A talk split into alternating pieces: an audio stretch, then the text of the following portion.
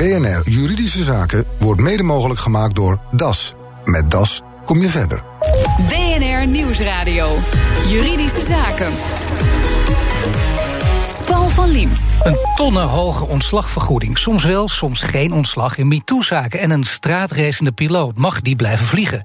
Arbeidsrechtadvocaat Maarten van Gelderen verzamelde de opmerkelijkste ontslagen van afgelopen jaar. We blikken terug, maar ook vooruit, want er is een nieuwe wet op handen. Vertel, Nelleke van der Heijden. Nou, Paul, het gaat om het wetsvoorstel Arbeidsmarkt in Balans. Het ligt nu in de Tweede Kamer.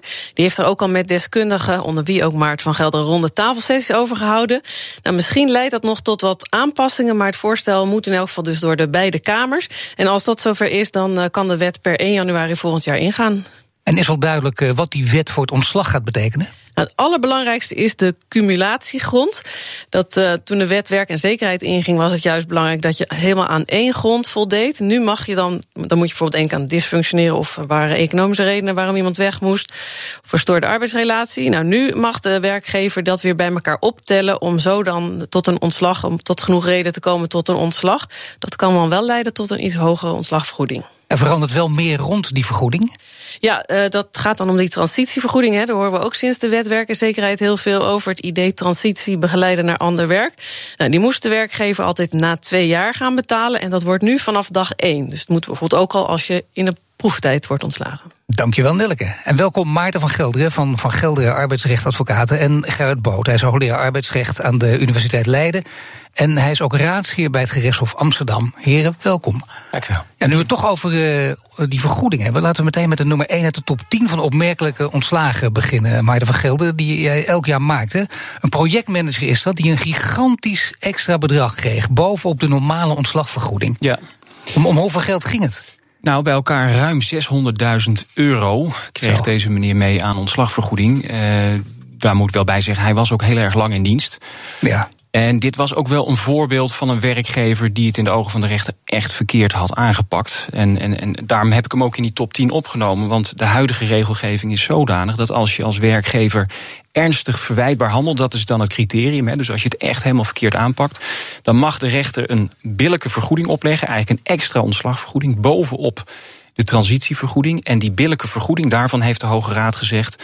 Nou, dan mag je als rechter echt gaan kijken naar wat de gevolgen zijn van het ontslag voor die werknemer. Nou, in dit geval iemand die, die 35 of 40 jaar ergens gewerkt heeft en dan uh, gewoon uh, van de een op de andere dag eruit moet. Die en er wordt niet weg, gezocht naar iets anders. Precies, die werd weggesaneerd, werd volkomen aan zijn lot overgelaten. Ook toen hij zich ziek had gemeld en de bedrijfsarts zei: Goh, deze meneer heeft begeleiding nodig. Nou, die werkgever kon allemaal niet heel veel boeien. Wilde maar één ding zo snel mogelijk met deze meneer naar de ja. uitgang. En daar heeft de, de rechter in die zin een behoorlijk financieel stokje voor Ik vraag even aan de raadsheer hier aan tafel. Hoe zit dat, uh, Gerrit Boot, voor een rechter uh, in zo'n billijke vergoeding als je dit verhaal hoort? Nou, de eerste uh, vraag is de constatering of de werkgever hier ernstig verwijtbaar heeft gehandeld. Ja, wacht even.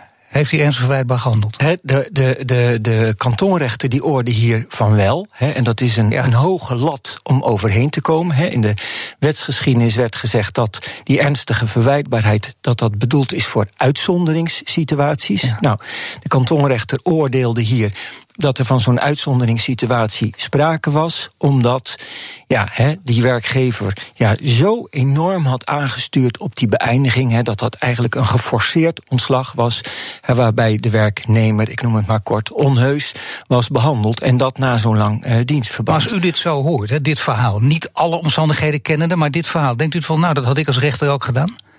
Nou ja, goed, je moet het doen met de tekst uh, die gepubliceerd is. Hè, maar je kan je voorstellen dat dit gedrag in zijn totaliteit als ernstig verwijtbaar wordt aangemerkt. Nou, dan ben je dus die, die lat over, die hoppel uh, over. Ja. En dan is de vraag: welke billijke vergoeding moet er dan worden toegekend? Nou, daarover heeft de Hoge Raad wat uh, gezichtspunten geformuleerd in een bekende uitspraak. onder andere gaat het erover hoe lang de werknemer, wanneer dit ernstig verwijtbaar gedrag van een werkgever niet had plaatsgevonden, hoe lang die werknemer dan naar verwachting in dienst zou zijn gebleven. En hoe lang die pensioen zou krijgen? Uh, ja, goed. In dit geval uh, uh, gaat de kantonrechter ervan uit dat zonder dit gedrag van die werkgever dat die werknemer wel tot zijn pensioen was blijven doorwerken. Ja. Nou, dat was ongeveer een jaar of tien. Um, dan is het tweede aspect wat de Hoge Raad noemt: wat zijn de kansen voor de werknemer om elders werk te vinden? als die kansen heel erg groot zijn, ja, dan heeft die werknemer niet zoveel schade. Nou, die nee. kantonrechter die schat de kansen voor deze werknemer in dit geval heel laag in. Ja. die werknemer die verdienen ruim 6500 per maand. En de kantonrechter gaat ervan uit dat die werknemer waarschijnlijk niet meer dan het minimumloon straks zal gaan verdienen. Dus dan is dat verschil heel groot. En een derde aspect van de Hoge Raad is de mate van verwijtbaarheid. Nogmaals, het moet om ernstige verwijtbaarheid gaan. Maar ja, het ene geval is het andere niet. Het kan echt verschrikkelijk zijn. Hè? Een puur discriminator ontslag.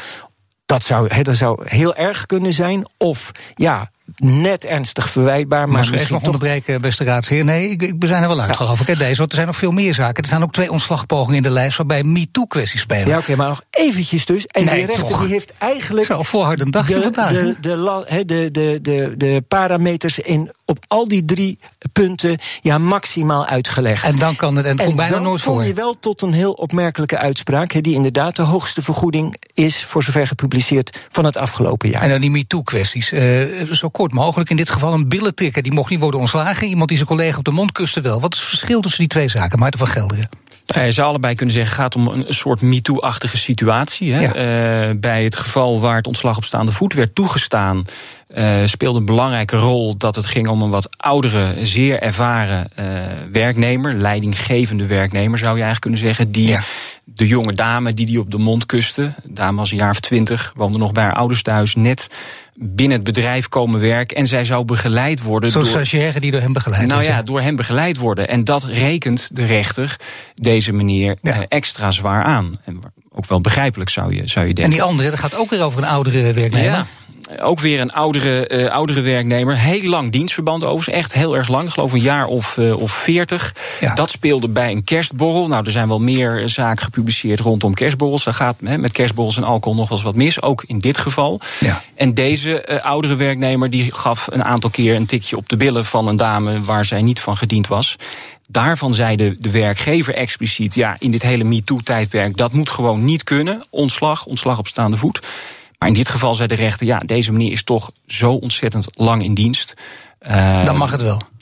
Ontslag op staande voet vinden wij hier een te zware sanctie. Het is, het is, ja, en dat is lastig als je misschien niet alle feiten kent. Je zou soms kunnen denken, ja, wordt er dan met twee maten gemeten? Het nou, dat denk je zeker, nou, dat denk je zeker. En dat merkt, geeft ook aan hoe lastig het is om rechter te zijn en ook om te oordelen ja. hier. Want de omstandigheden zijn niet vaak belangrijker dan de daad zelf, Gerrit Boos.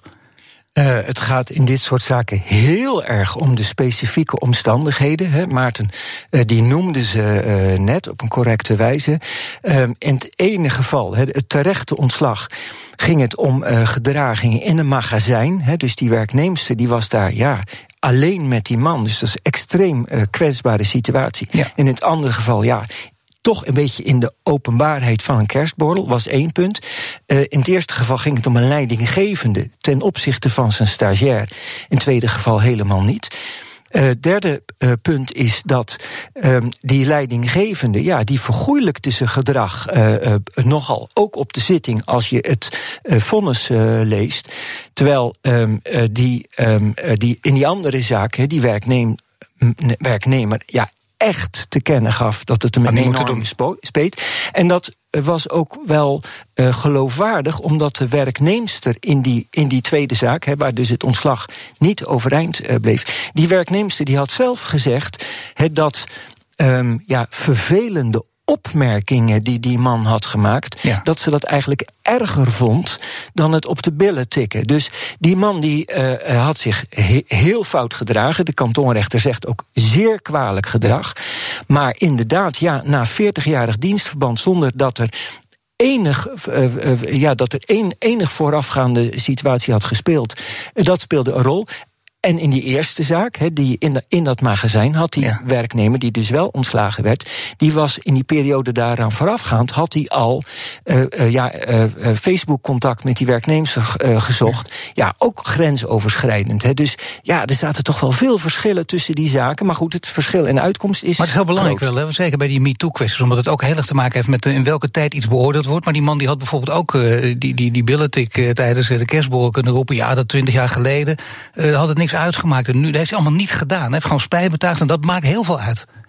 Uh, ja, dat, dat maakt denk ik uit, omdat een werkgever die zit voor de vraag van. Um, uh, ja, is dergelijk gedrag, is dat uh, uh, nog eens te verwachten? En iemand die het eigenlijk vergoeilijkt, ja, ja, dat is natuurlijk een groter risico dan iemand die, die echt te kennen geeft dat hij dit zo niet had moeten doen. Maarten van Gelderen, nog een zaak. De Transavia-piloot die met ja. zijn vader een straatrace hield, veel mensen kunnen zich waarschijnlijk nog herinneren, uitgebreid in de publiciteit geweest.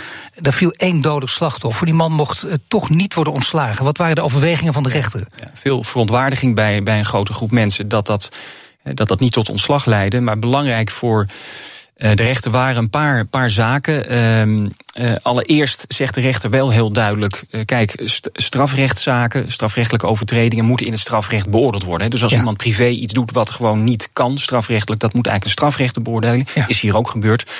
En dat moet niet automatisch tot ontslag leiden. Maar, zegt de rechter ook, in bijzondere omstandigheden kun je natuurlijk een functie hebben, zoals piloot waardoor je in privé een bepaalde gedraging doet, die toch echt wel in relatie staat tot, tot jouw functie. Hè? Want ook ja. een piloot wordt natuurlijk geacht veiligheidsvoorschriften na te leven. Ja, Nogal zou ik zeggen.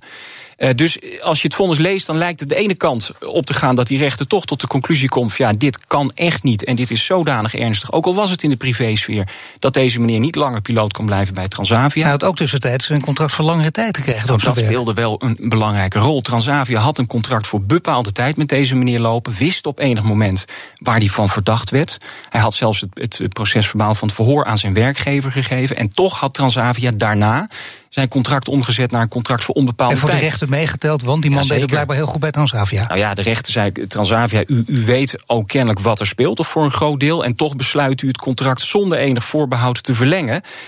En nu er heel veel publiciteit is en er een, een eindstrafrechtelijk vonnis is, wilt, wilt u toch nog ontslag? Nou, dat gaat me nu dan te ver. En uh, dat ontslag is afgewezen. Overigens hebben partijen, zo ik begrepen, het later wel geschikt. En is deze manier toch ergens anders gaan werken. Maar daar moet dan misschien dan weer een zakje geld tegenover staan. De arbeidsrechter deed in 2018 opmerkelijke uitspraken. Wat verandert er met de wet arbeidsmarkt in balans? BNR Nieuwsradio. BNR Juridische Zaken. Arbeidsrechtadvocaat Maarten van Gelderen verzamelde de opmerkelijkste ontslagen van 2018. Met raadsheer en hoogleraar Gerard Boot is hij mijn gast. Ja, voordat we vooruit gaan blikken naar de gevolgen van de wet arbeidsmarkt in balans. Uh, nog kort één opmerkelijk ontslag. Het ging namelijk over een striptease in de kantine. Maarten van Gelder, wat was het verhaal? Dat speelde niet bij jullie trouwens, hè? Nee, het was niet bij ons op kantoor. Nee, nee, nee okay, ik weet ook niet of ik hem anders in de lijst had gezet, eerlijk gezegd. Maar het ging wel om een werknemer met een uh, jubileumviering, 12,5 jaar in dienst. En kreeg ja. bij het bedrijf een, een, klein budget, 125 euro, als ik het uh, goed weet te herinneren, ja. om iets leuks te gaan doen. En hij gaf aan zijn leidinggevende, nou, ik ga voor iedereen met een kop soep en een kroket in de bedrijfskantine, althans met een groepje collega's zitten. Uh, zo gezegd, zo gedaan. Althans, dat dacht die werkgever, maar toen bleek er toch een hele andere uh, happening op het programma te staan. Er was een striptease uh, act ingehuurd, een dame die uh, verschillende collega's vroeg ja. om haar op allerlei lichaamsdelen af te likken uh, met uh, slagroom. Uh, overigens, voorafgaand aan die stripact was er nog een kleine toespraak van de werknemer, van de jubilaris, die zich heel erg negatief uitliet over de werkgever. Ja. Kortom, een en al ellende vond de werkgever. Maar dat was nog geen reden voor ontslag, toch niet? Nou ja, uiteindelijk was dat voor de, de, de werkgever wel de aanzet tot het ontslag. Uh, alleen de werknemer zei, ja, die strip-act, dat heb ik niet zelf gedaan. Dat is een, uh, ja. een bevriende relatie, heeft hij voor mij ingehuurd. Dus eigenlijk, ja, is niet mijn schuld. Wel heel vervelend, maar niet mijn schuld. Uh, maar die zaak kwam bij de rechter. En toen bleek eigenlijk dat hij die strip-act wel degelijk zelf had ja, ingehuurd. Ja, maar hij gelogen. En dat liegen, dat maakt dus wel nou degelijk ja, wat uit. En dat liegen, en dat zie je dus wel vaker in bepaalde zaken. Dat je denkt, ja, als je naar het feitencomplex kijkt, uh, zegt die rechter, nou, ik vind wel, hè, het is onsmakelijk of het hoort niet of het is verwijtbaar. Maar het feit dat je dan vervolgens, als je erop aangesproken wordt, daarover liegt, dat is dan net de druppel waarop je ontslagen wordt. En dat was bij deze manier ook het geval. De wet arbeidsmarkt in balans die gaat misschien in werking treden, nog even afwachten. Maar de opvolger van de wet werk en zekerheid, wat is de grootste verandering? in dit wetsvoorstel, Gerard is, uh, Je zou kunnen zeggen dat het een aanvulling is op de wet werk en zekerheid. Uh, Eén belangrijk onderdeel van de ontslaggronden wordt gewijzigd. Tot op heden was het zo dat een werkgever ja, een, een volledige ontslaggrond um, ja, moest aantonen. Dus of dysfunctioneren, of verwijtbaar handelen, of een verstoorde arbeidsverhouding. En je mocht die gronden niet met elkaar combineren. En die wet uh, arbeidsmarkt in balans die maakt het mogelijk om die gronden wel met, de, met elkaar te combineren op voorwaarde dat alles bij elkaar er nog steeds wel een redelijke ontslaggrond is. Maar wacht even, toch opvallend dat u zegt een aanvulling. Hè? Er zijn critici die zeggen dat is helemaal geen aanvulling. Het is een volledige terugdraaiing van alles wat de wet uh, werk en zekerheid veranderen. Nee, dat is zwaar overdreven.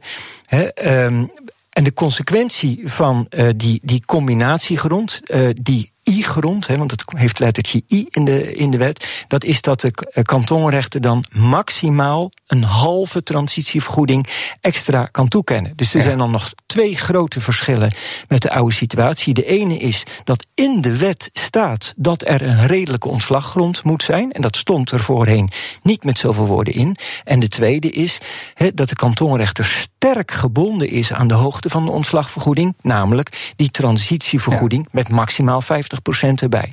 Nu ging het bij de invoering van die wet werk en zekerheid uh, bij advocaten over een lawyer's paradise. Daar hadden ze het over Maarten van Gelderen. Nu wederom? Weer een lawyer's paradise? Ja, als alles doorgevoerd wordt zoals de plannen nu op tafel liggen, dan, uh, dan, dan denk ik het wel. Uh, dat is geen goed nieuws, zou ik zeggen. Ja, wel voor advocaten, maar voor anderen niet. Ja, maar ik ben overigens wel, uh, laat ik zeggen, ik ben wel uh, positief over een aantal maatregelen dat die tot, tot een beter, beter systeem leiden. Hè. Bijvoorbeeld die, die cumulatiegrond waar we het over hebben. Dat rechters dus wat meer maatwerk kunnen leveren. Dat lijkt mij zeker een goede zaak. Daar zijn volgens ja, dus je hoeft dus niet één ding uit te pikken, maar je kunt heel veel kleine dingetjes ja, bij elkaar optellen. De, de, de, de WWZ van Arsje was zo star. Hè. Ik bedoel, Gerard Boot noemt het een aanvulling. Ik, ik zou toch wel een, een correctie op de WWZ willen noemen. Ja, dat vindt Gerrit Boten zwaar overtrokken. Zei nee, dat het een hele nieuwe wet nee, was. Dat het is, het is, het is, het is niet een heel nieuw systeem, maar het is, het, is toch, het, is, het is voor mijn gevoel wel een correctie. Want hè, ook bij de nou, WWZ ja, is, is er met Asje wel over gediscussieerd... van zijn die gronden niet te star? Nou, dat bleek niet het geval, althans dat vond Asje toen in de praktijk, en daar werd al voor gewaarschuwd, blijkt dat eigenlijk wel zo te zijn. Maar dus ik vind het goed, goed dat die cumulatie goed Ja, maar het is toch interessant even dat, dat, dat we uit de weg uh, halen. Dat misverstand tussen jullie beiden. Is er nou wel of geen correctie? Want Gerald Boot vindt het volgens mij niet zo'n echte ja, het correctie. Is een wijs, het is een wijziging. Um, he, de, de WWZ was bedoeld om het ontslagrecht uh, uh, makkelijker, eenvoudiger en goedkoper te maken. He, niet ja. in ontslagvergoeding, he, maar ja, doordat er minder geprocedeerd hoeft te worden, wordt het goedkoper. Nou, dat is gelukt. Er worden veel en veel minder procedures gevoerd. Dus uh, mensen kunnen het uh, beter zelf oplossen. Nou blijkt wel dat de zaken die wel voor de kantonrechter uh, komen, dat wel een erg hoog percentage daarvan wordt afgewezen. Ja. Dus je zou kunnen zeggen, ja, blijkbaar Um, uh, ja, uh, brengt die wet het met zich om daar streng over te oordelen. Zo was dat niet bedoeld. Er stond nergens in de wetsgeschiedenis van de WWZ dat het de bedoeling was dat het strenger zou worden. En um, dat wordt geprobeerd uh, ja, nu ja, zo te maken he, dat die, ja, je zou kunnen zeggen dat die oorspronkelijke bedoeling gerealiseerd wordt. En als je dat een correctie wil noemen, dan noemen we het een correctie. Nou, vooruit de correctie. En ja. uh, wat gaan we er uh, dit jaar van merken als de wet volgend jaar ingaat, Maarten van Gelder? Nou, dat is interessant. Hè. De, wet, de, de planning is althans dat die 1 januari 2020 ingaat. Ja. Uh, maar ik, ik voorzie wel dat uh, calculerende werkgevers, en dat, dat is misschien best een aardige groep, daar wel rekening mee gaan houden. Om te beginnen gaat vanaf 1 januari 2020 voor oudere werknemers met langere dienstverbanden de ontslagvergoeding heel hard naar beneden. Dan hebben we het echt over tientallen procenten, soms afhankelijk van leeftijd en lengte dienstverband is een beetje een technische reden, maar heeft ermee te maken dat voor die oudere werknemers de berekening van de transitievergoeding ja, in ieder geval een stuk lager wordt. En wat ga je doen als je calculerende werkgever bent? Nou, ik denk dus dat de laatste maanden van dit jaar, uh, een beetje gechargeerd misschien, maar het ontslagrecht voor de oudere werknemers stilvalt. Want je gaat als uh, werkgever toch rekenen als ik iemand in oktober of uh, 2019 ontslaan uh, en ik moet 60.000 euro betalen, terwijl ik weet dat ik in januari 2020 nog maar 30.000 euro betalen. Ja, maar stel dat het hele goede krachten zijn, dan moet je toch goed kunnen calculeren. Want dan kun je ook calculeren dat die wet helemaal niet door zal gaan. Wat, wat, wat is jullie taxatie? Hoe moeilijk het ook is, hè? Maar nee. gaat die wet wel of niet door, Gerard Nou, de hele goede krachten die ga je natuurlijk niet nee, ontslaan. He, dus ja, het zal misschien uh, in sommige gevallen uh, uh, uitmaken he, of je vlak voor of vlak na het nieuwe jaar bent. Um, dat zou kunnen, dat weet ik niet. Dat weet een advocaat. Uh, maar gaat beter. die wet wel door, Maarten van Gelder? De kans is erg groot. Als je gewoon ik, een beetje kijkt wat nou achter ja, de schermen speelt. Er zullen nog wel wat, wat, wat, wat aanpassingen op de wet plaatsvinden. Maar mijn verwachting is, voor zover ik dat kan inschatten, is dat die wet er op hoofdlijnen wel doorgaat. Omdat daar gewoon een meerderheid voor te vinden is. Er is sowieso een politieke parlementaire meerderheid voor. Goed, mag ik jullie allebei hartelijk danken. Gerrit Boot, hoogleraar arbeidsrecht aan de Universiteit Leiden. En Maarten van Gelderen van Van Gelderen Arbeidsrecht en Advocaten. En we zorgen die top 10 waar we het over hadden, dat die via op onze site bnr.nl terug te vinden is. BNR Nieuws Nieuwsradio. BNR Juridische Zaken. Beter investeren in steen dan geld wegzetten op een spaarrekening. Dat dacht Bastiaan. Maar wat moet hij weten om verhuurder te worden? Verslag is van Nelke van der Heijden. Bastiaan, je hebt een nieuw huis gekocht, maar je had ook al een koopappartement. Je overweegt om dat niet te verkopen. Wat wil je ermee? Nou ja, ik wil eigenlijk mijn oude huis wil gaan verhuren. Omdat ja, in deze markt is het best wel aantrekkelijk om mijn oude huis aan te houden. Uh, dan kan ik gewoon veel meer rendement halen kan het wel uh, verkopen en dan het geld in mijn nieuwe huis stoppen. Maar ik vond dit wel een mooie manier om uh, ja, eigenlijk voor mijn pensioen te sparen. Um, ik zit alleen met één probleempje, want ik wil eigenlijk niet heel lang vastzitten aan een huurder. Dan heb ik het dus over heel lang over dat ik 15 jaar aan een huurder vastzit. Want misschien heb ik het tussentijds wel nodig voor een of andere reden. Dus ik wil eigenlijk weten hoe kan ik mijn oude huis verhuren zonder dat de huurders heel lang in mijn huis kunnen wonen. Ja, dus dat is geen rechten opbouwen dat je ze uiteindelijk er nooit meer uit krijgt. En dan misschien uh, je huis voor veel minder kan verkopen als je dat zou willen. Precies, want ja, als ik mijn huis verkoop met huurders erin, ja, kan ik maar een fractie van de prijs uh, krijgen die het huis waard is. Willem Vos van Vulpes Advocaten. Bastiaan wil graag zijn appartement gaan verhuren. Is dat verstandig of krijgt hij die huurders er dan nooit meer uit? Het eerste wat niet besproken is, maar waar hij wel even op moet letten... is of dat de hypotheekbank hier blij mee is. Vaak is dat niet zo. Er zit vaak een huurbeding in de hypotheekvoorwaarden. Echt antwoord op de vraag met betrekking tot tijdelijk verhuren. Ja, dat kan sinds 1 juli 2016 in het kader van de wet doorstroming huurmarkt. En waar heeft hij dan mee te maken? Wat voor voorwaarden? Als je een zelfstandige woning wil verhuren, dan kan dat tijdelijk voor één bepaalde tijdperiode van maximaal twee jaar. En als je wil dat die huurder aan het einde van die periode vertrekt, dan moet je dat ook aanzeggen. Maximaal drie maanden van tevoren, minimaal één maand van tevoren. Dus daar moet je echt goed op letten, anders zit diegene daar in principe voor de rest van zijn leven. Ja, die termijnen worden heel strak gehanteerd. Uh, zeker als je een dag te laat zeg maar, aanzegt dat die huur eindigt. Je moet het ook bewijsbaar doen, dus ik zou het bij deurwaardersexploot doen. Maar als je dat doet, dan heb je dus geen opzeggingsgrond nodig als verhuurder. Dat had je vroeger altijd wel nodig met die tijdelijke huurmogelijkheid. Dus niet, je hebt geen opzeggingsgrond nodig. Je kunt gewoon zeggen, joh, we hebben een bepaalde tijd afgesproken en die eindigt hier. Oké, dat klinkt goed. Zitten er dan toch ook nog nadelen aan? Je kunt bijvoorbeeld niet verlengen. Dus die ene bepaalde tijdperiode, die mag je echt absoluut niet verlengen. Anders val je in de volledige huurbescherming voor de huurder. En het andere nadeel is, om niet in die huurbescherming te vallen, moet je dus aan het einde van die bepaalde tijd afscheid van elkaar nemen. Aanzeggen en afscheid van elkaar nemen. Zelfs terwijl die huurder misschien een hele fijne huurder blijkt te zijn. Ja, dus je moet dan om de twee jaar, of misschien nog korter als je een kortere termijn hebt afgesproken, op zoek naar een nieuwe huurder. Ja, het is overigens wel zo dat ik denk, kijk, mensen zijn natuurlijk bang voor huurbescherming, maar ik denk dat je wel een, een hoop van dat nadeel kunt wegnemen door gewoon een scherpe huurprijs te bepalen en een slimme huurindexeringsbepaling.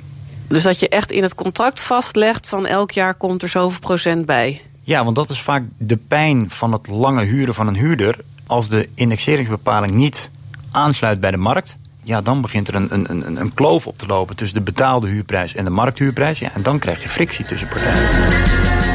Dat zegt Willem Vos in de verslag van Nelke van der Heijden. Heeft u ook een juridische vraag? Mail hem naar juridischezaken.bnr.nl. Dit was de uitzending voor vandaag. U kunt de show terugluisteren via de site, de app, iTunes of Spotify. Mijn naam is Paul van Diemt. Tot de volgende zitting.